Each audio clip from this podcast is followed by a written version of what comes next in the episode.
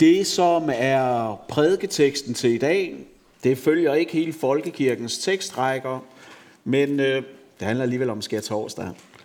Det er fra Matteus evangeliet kapitel 26.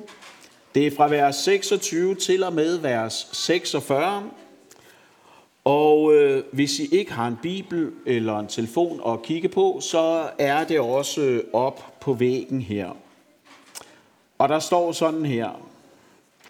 Mens de spiste, tog Jesus et brød, velsignede og brød det, gav sine disciple det og sagde, tag det og spis det, det er mit lægeme.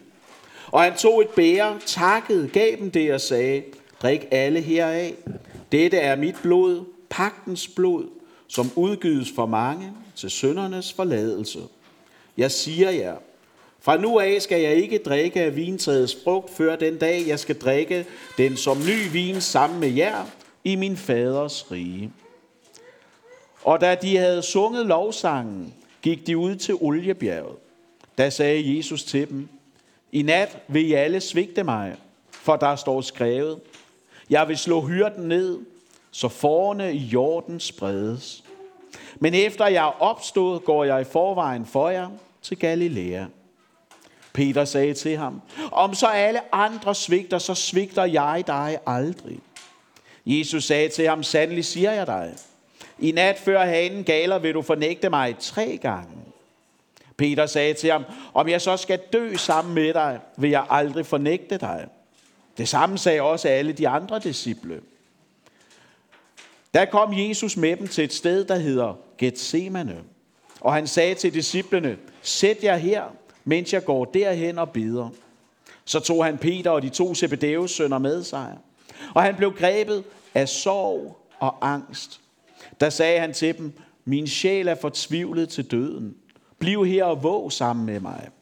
Og han gik lidt længere væk, faldt ned på sit ansigt og bad min fader, hvis det er muligt, så lad dette bære gå mig forbi. Dog ikke som jeg vil, men som du vil.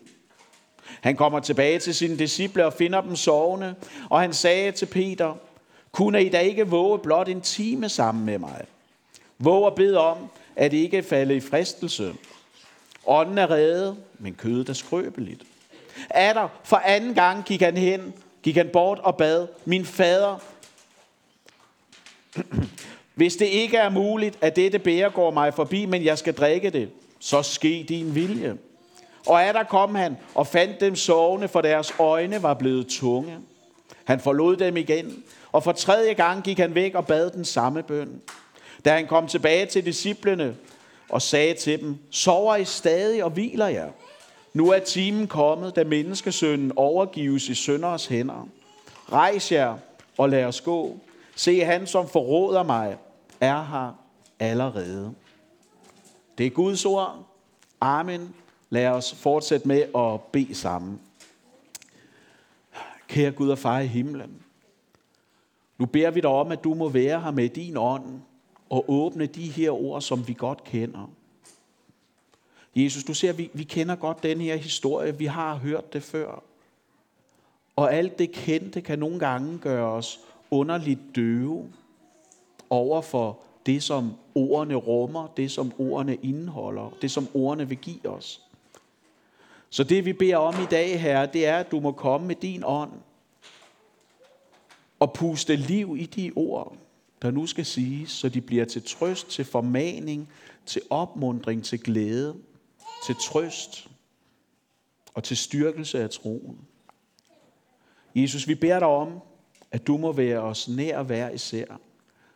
Og Jesus, du ser jo, der er ikke nogen af os, der er kommet herinde fra et vakuum. Vi har alle sammen båret noget med. Noget, vi er fyldt af, noget, vi er optaget af, noget, der tynger, noget, der presser. Jeg beder dig sådan om, at du må skubbe det lidt til side nu. Så vi vores tanker kan finde hvile, vores sjæl finde ro, og vores hjerte være åbent for det, som du vil give os.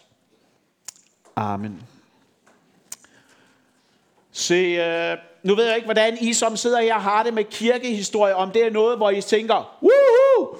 eller I ved, gab kæberne lidt og led. Hvordan har I det med historie? Ja, det er så lidt woohoo, sådan, ikke også? Og øh, altså, Jeg synes jo, kirkehistorie, det er virkelig spændende. For det første, fordi det som regel står på dansk, og for det andet så, fordi at det er interessant at se, hvad er det for nogle mennesker, vi står på skuldrene af. Hvad er det, der har udviklet kirken? Hvad er det, der har fyldt den? Og hvad er det for nogle mennesker, der har været i den? Og sandheden er jo, i starten af kirken, det der fyldte virkelig meget, det var martyriet. Det var det her med, at folk døde for deres tro, og de gjorde det ofte på frygtelige og bestialske måder. Jeg har faktisk en øh, bog her, som øh, A Book Which Will Never Die, Fox's Book on Martyrs. Fordi der var simpelthen en i øh, 1700 Hvidkål, der satte sig for at samle alle de kristne martyrberetninger, der fandtes i de gamle historiske kilder. Og så har han samlet dem i en bog, som jeg har. Så hvis man vil læse, hvordan folk kom af dage på virkelig bestialske måder, så, øh, så har jeg noget, du ikke skal læse, før du falder i søvnen. Fordi det fyldte faktisk rigtig meget, det her med, at, at folk de var nødt til at betale med deres liv. Fordi troen havde den pris, troen havde den konsekvens. Og hvis vi åbner åbne døres blad, så vil vi se, at det er en praksis, der endnu ikke er afskaffet. Der er stadigvæk mange mennesker, der lever og dør med deres tro. Så da jeg skulle finde en fortælling, jeg gerne ville starte med her i dag, en martyrfortælling, så vil jeg gerne fortælle om en mand, der blev 86 år gammel, som levede i Tyrkiet, og han døde 155 år efter Kristus var født. Der var udbrudt en, en voldsom, voldsom kristenforfølgelse i Romeriet. Det var dem, der bestemte dengang. Og de jagtede alle de kristne, de kunne finde, skånselsløs. Og den var også nået til Tyrkiet, hvor ham her, den gamle mand, han boede. Så han blev fundet, og han blev fristet til at afsvæve troen. Ofre til kejseren, fordi de sagde til ham, hvis du gør det, så redder du livet. Og efter sine, så skulle han jo have sagt, hvordan kan jeg svigte ham, der har været så god mod mig? Så stående der midt i arenaen, blandt blodtørstige mennesker, der holdt han ud, og han holdt ved. Han bliver skildret som værende urokkelig og ved godt mod, og man kan jo spørge sig selv, hvordan vil jeg takle det? Hvis det var mig, der stod der, hvordan vil jeg så gøre? Vil jeg ligne ham? Og jeg vil bare sige, det tror jeg ikke. Jeg, jeg tror ikke, jeg kunne møde døden med, med den ro, som Polikarp, som ham her hedder, han gjorde det. Jeg håber, jeg kunne. Jeg er ikke sikker. Og her kommer pointen. Vi ved, at Jesus, da han var i haven i mødet med den visse død, der var han ikke rolig. Der var han alt andet. Vi hører, at mange martyrer de døde modigt, fordi de mærkede, at Gud var med dem. Men, men Jesus i vores tekst, han mærker faktisk noget helt andet. For han var fortvivlet til døden. Han var fyldt med sorg og med angst.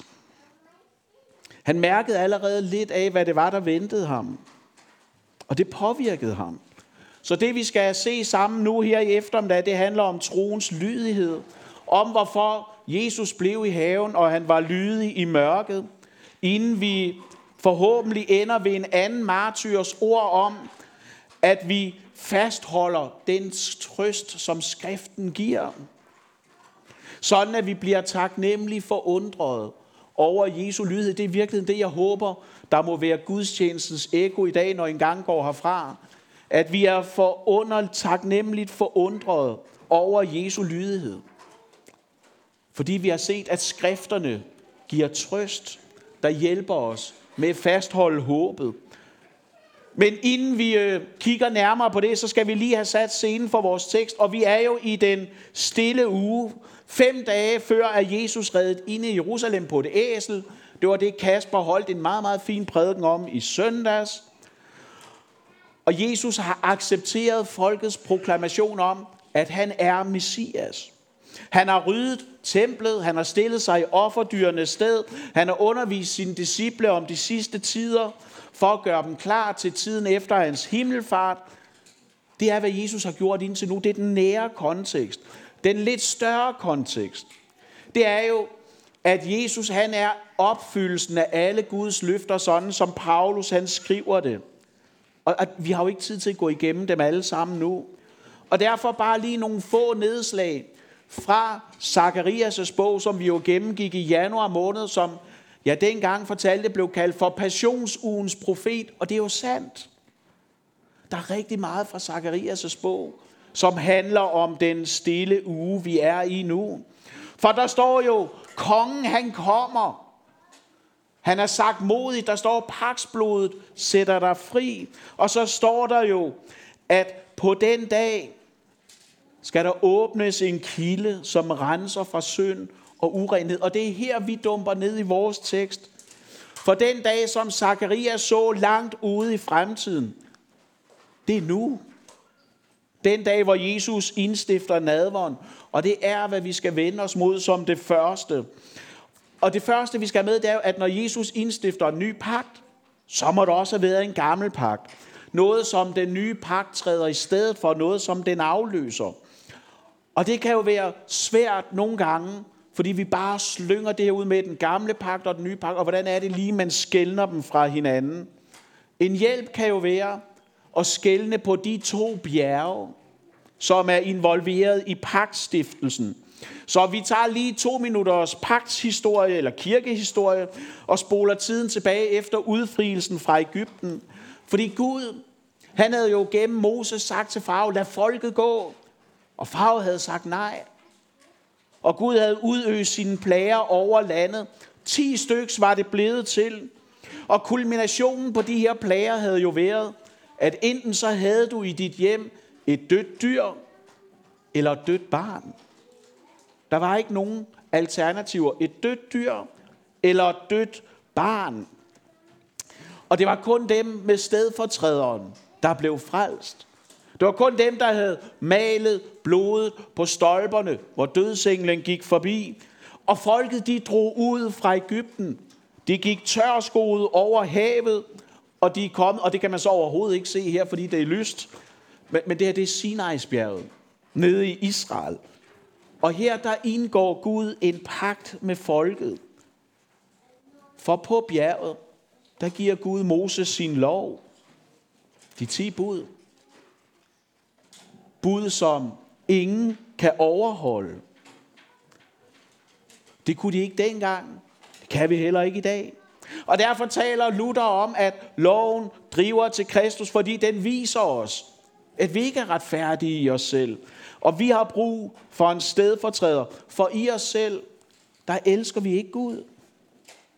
Og det betyder jo, at den, som står i lovens pagt, vil blive mødt af de ord, som Gud udtalte i Jeremias' bog, og som vi så på sidste pinse, så regner med, at alle sammen har det tydeligt og klart stående sådan, ikke også?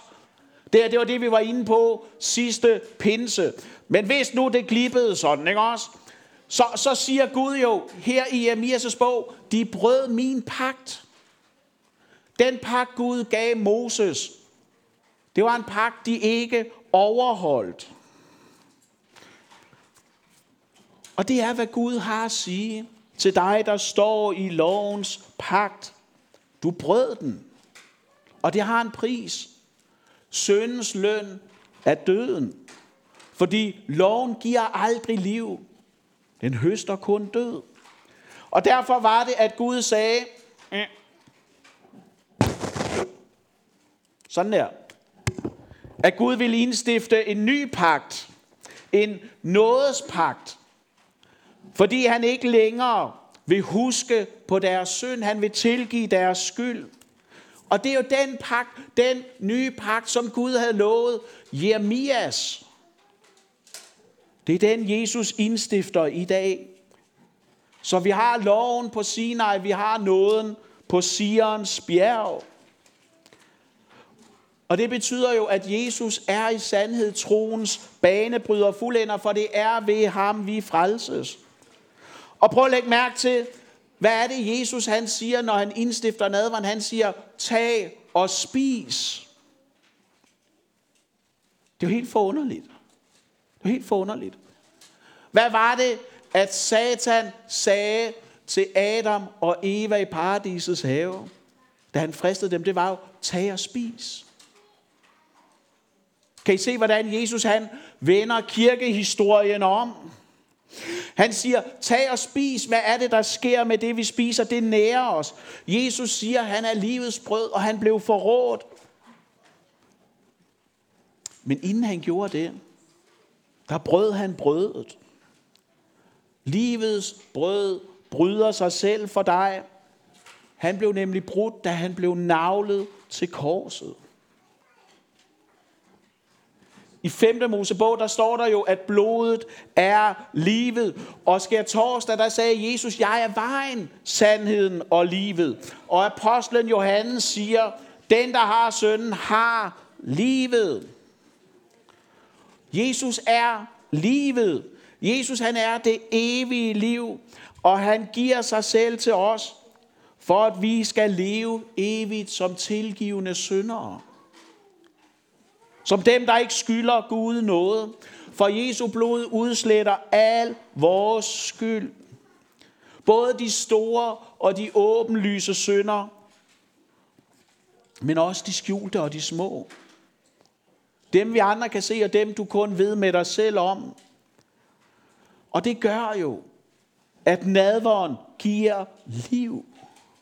Det er virkelig det, der gør, at vi kan ånde frit.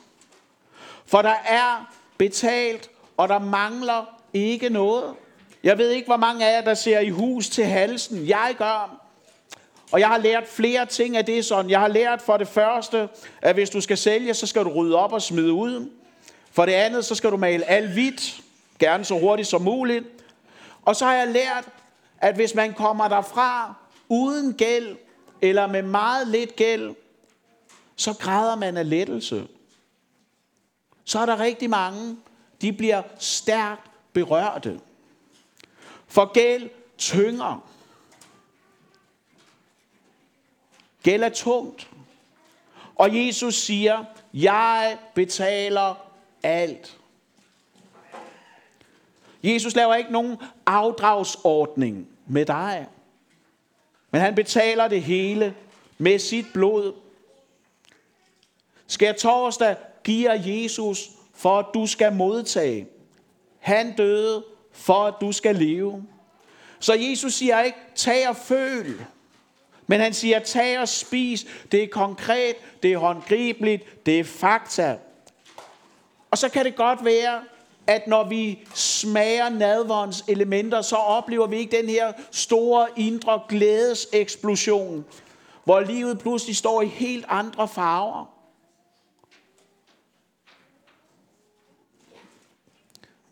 Det er ikke sådan, det nødvendigvis kommer til at være. Ved Guds nåde, ved Guds hjælp, ved Guds ånd kan det være, at der sker den her eksplosion. Og nogle gange er det bare den her stille glæde og vidshed over, at nu er jeg forbundet med Jesus. Og så er vi tilbage ved sidste års kæphest nummer et hernede. Hvad er det, jeg ved fra skriften, som jeg ikke mærker i situationen? Og det vi ved, når det handler om nadver, det er, at Jesus gav. Det er sådan, du må få lov at se ham. Som en, der giver til sine disciple. Og vi må modtage det igen og igen og igen og igen. Og der er en pointe, som gik op for mig i forberedelsen til i dag. Og det er jo, hvem er det, der får? Det er dem, der lytter. Og være en disciple af Jesus, det er at modtage. Det er at være den, som får og som tager imod. Da vi gennemgik Obedias' bog i sidste måned, så ved vi jo fra Johannes evangeliet, at Gud gav dem ret til at være Guds barn. Hvem er det, der får den her ret? Det er jo dem, der tager imod. Hvis du tager imod Jesus, så er du Guds barn. Synd, det er det, der skiller dig fra Guds velsignelse. Det er det, der fjerner dig fra ham. Det er det, der stiller dig under hans vrede. Synd er at sige nej til Gud. Og det er livsfarligt. Det er dødsens. For du er fortabt, hvis du ikke bliver tilgivet af Gud. Prøv, prøv, prøv at se jer omkring sådan. Ude i naturen, på os, der sidder her. Alt det liv, du ser, det bærer døden i sig. Det er underlagt forgængeligheden. Og derfor vil det over tid både skuffe og forgå. Men Jesus er ikke døende, for han er opstandelsen, og han er dit evige liv. For han er sagt modig af hjertet. Det er en hjertesag for Jesus at være sammen med dig. Og derfor siger Jesus, kom til mig. Kom, så du kan tage det, jeg giver. For det Jesus gjorde den her nat i Gethsemane have, det var jo, at han tømte lidelsens bære, for at du i dag kan drikke af velsignelsens kalk. Og det gjorde Jesus for dig af kærlighed. Men det skete ikke uden kamp. Det var ikke nemt for Jesus, og det er det næste, vi skal se på nu. Og øh, det første, vi skal have med, det er sådan en regibemærkning fra Matthæus, som jeg er blevet stanset lidt for i forberedelsen. Fordi der står jo, at inden Jesus går hen i Gethsemane have og skal kæmpe den her kamp, vi nu skal se på, så står der, at han sang lovsang. Den jødiske tradition gjorde, at man sang Hillel, altså fra salme 113 til 118. Og hvad er det, salme 118 starter med? Tak Herren, for han er god. Hans trofasthed varer til evig tid. På vej ind i sin lidelse, der synger Jesus lovsang. Ikke fordi han ikke ved bedre og snart vil blive overrasket, men han synger det, fordi han ved, hvad det er, der venter.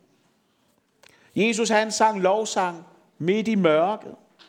Han vidste, hvad der ventede, og han sang alligevel lovsang. Som en understregning af, som vi også har set på igennem noget tid sidste år. Nogle gange så synger vi lovsang ikke på grund af vores omstændigheder, men på trods af dem. Tit der synger vi lovsang fra mørke og sorgfyldte steder. Vores frimodighed, den kommer ikke fra vores følelser, men fra vores viden af, at Gud er på tronen. Gud er ikke abdiceret. Gud er ikke ligeglad og ligegyldig over for dig. Og ikke nok med, at Jesus han sang lovsang, men han prioriterede også at bede. Bøn var det, han havde brug for. Og det kan slå mig med forundring nogle gange, at bøn er så tit en overflødighed i vores liv. Noget vi ved, der er vigtigt, men som vi aldrig rigtig når, fordi vi skal også noget vigtigere. Jesus han, han valgte at bede. Og jeg bare minder om, at det her med bøn, det er ikke nødvendigvis noget, der falder os naturligt, men der er en velsignelse ved at gøre det. Vi er jo ude af fastetiden nu. Fastetiden er den tid på året, hvor nogen måske bevidst gør en indsats for at sætte noget væk, for at noget andet kan fylde. Nu er vi ude af det, men jeg håber, du har fået etableret en god vane, og hvis du ikke har, så ræk ud til nogle af andre her i kirken, og så lad os hjælpe hinanden med at få etableret gode åndelige vaner. Så vi ikke glemmer at bede, så vi ikke glemmer at læse, så vi ikke overser at komme i kirke, men at vi sammen kan hjælpe hinanden. For jeg tror ikke, der er nogen af os, der kommer igennem det her uden at synes, at det med at bede er svært. Det med at læse er frugtesløst. Det med at komme i kirke kan være svært. Så lad os række ud.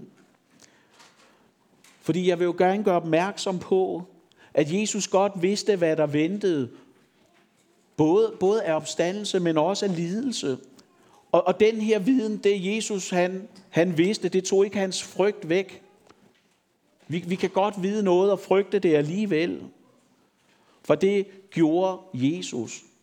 Her i Gethsemane have, der får vi over lov at se ham som, som det menneske, vi måske tit glemmer, han var. Jesus var også et menneske med hygiejnebehov, og han var et menneske med følelser. Og de følelser, han mærkede den her nat, de var alt andet end positive. Og, og det bryder for mig at se en nødvendig våge i vores forståelse af, hvem Jesus var, som har en indvirkning på vores kristne fællesskab. For Jesus han forblev jo syndfri hele sit liv, ellers var han ingen frelser. Han var syndfri, og samtidig mærkede han sorg, angst og fortvivlelse. Og det betyder, at det skal der også være plads til at mærke hos os og give udtryk for. At mærke de her ting med sorg og frygt og angst og fortvivlelse, det er ikke forkert. Det er ikke noget, vi skal skjule. Det er heller ikke noget, du skal undskylde. Men du skal gøre som Jesus. Du skal klynge dig til Gud. For at opleve som ham, at du blev ikke svigtet. Jesus blev ikke svigtet af Gud. Det, det, det overlod han til sine venner. Det gjorde de sådan, ikke også? Selvom Peter højtidligt havde lovet, det ikke ville ske. Men, men der skal være plads også til det. Når Jesus mærker de ting, så er det ikke forkert, at vi gør det heller. Det skal vi kunne tale om. Og inden vi kommer til ham, hvis ego blev punkteret af nåden, så, så skal vi altid lige, som, som, som det er blevet vane her de sidste 12 år, tror jeg 13 år, fokusere på Judas. For da han forlod bordet, da han forlod fællesskabet, da han gik ud for sig selv, så troede han jo, at han havde skudt papegøjen, for senere at opdage, at det eneste, han havde gjort, det var at sælge sin sjæl. Fordi han alt for sent fandt ud af, at synd hverken kan kontrolleres eller tæmmes. Hans begær, det voksede ham over hovedet. Og det tog hans sjæl. Og det må jo ikke ske for os. At vi satser på noget, som ikke holder og som er forgængeligt. Og man kan jo spørge, hvordan undgår vi det? Og jeg tror, det handler om, siger Jesus i bjergeprædiken, hvad er det, du elsker?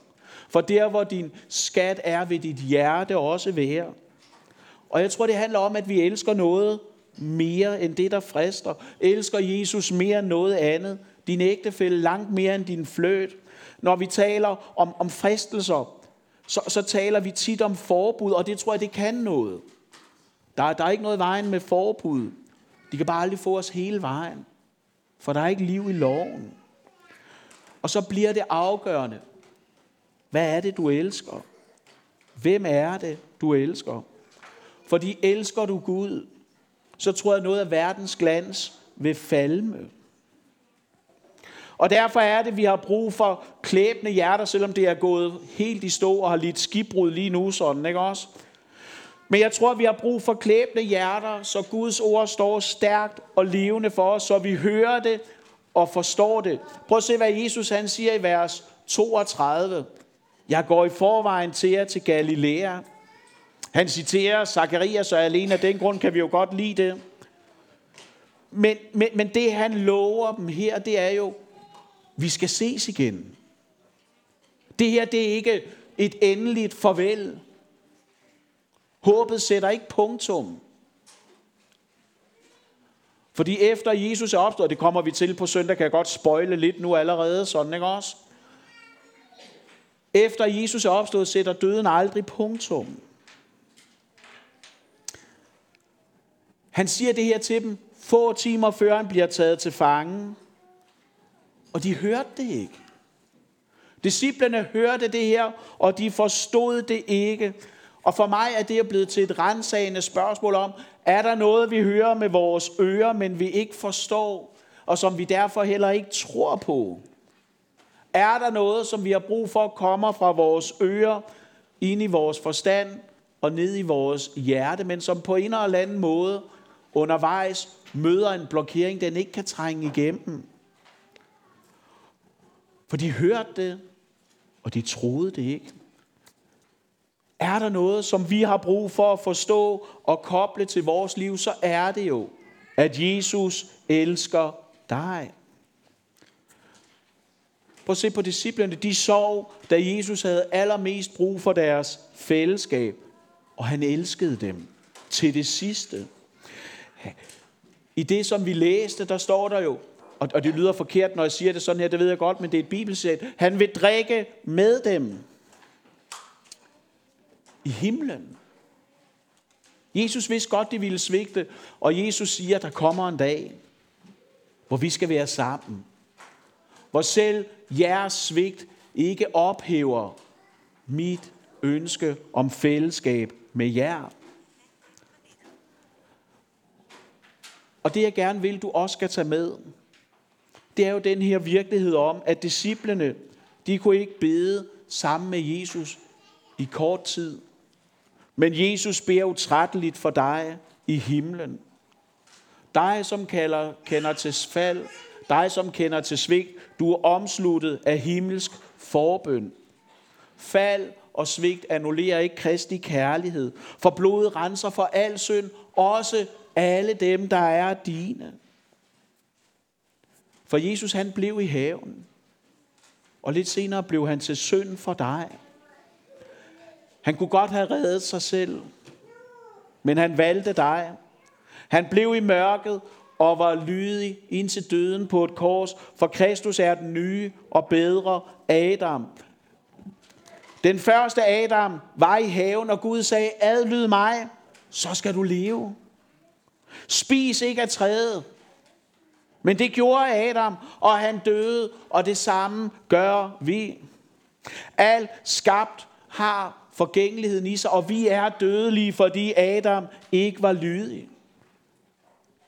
Den anden Adam, som også var i en have, til ham siger Gud, adlyd mig omkring det her træ, som for Jesus var et kors.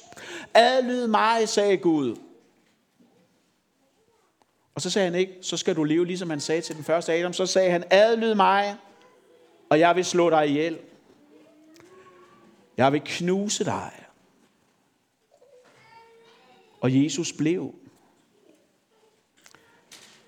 Gud har aldrig bedt andre om at gøre det, Jesus gjorde for dig. For det han gjorde, det var evigt og altid nok. Og det er her, vi lander i dag vil zoome ind på de her afgørende ord fra Jesu egen mund.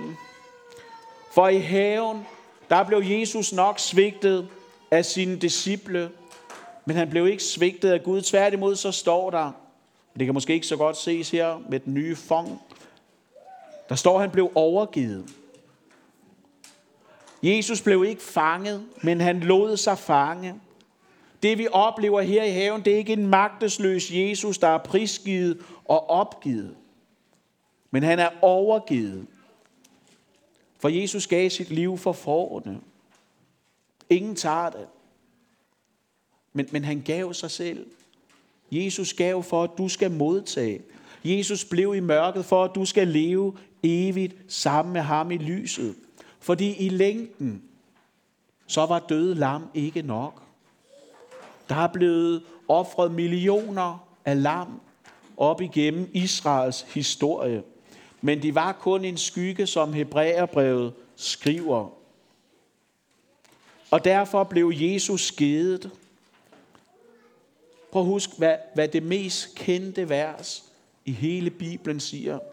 De således elskede Gud verden, at han gav. Han gav, for at du skal modtage.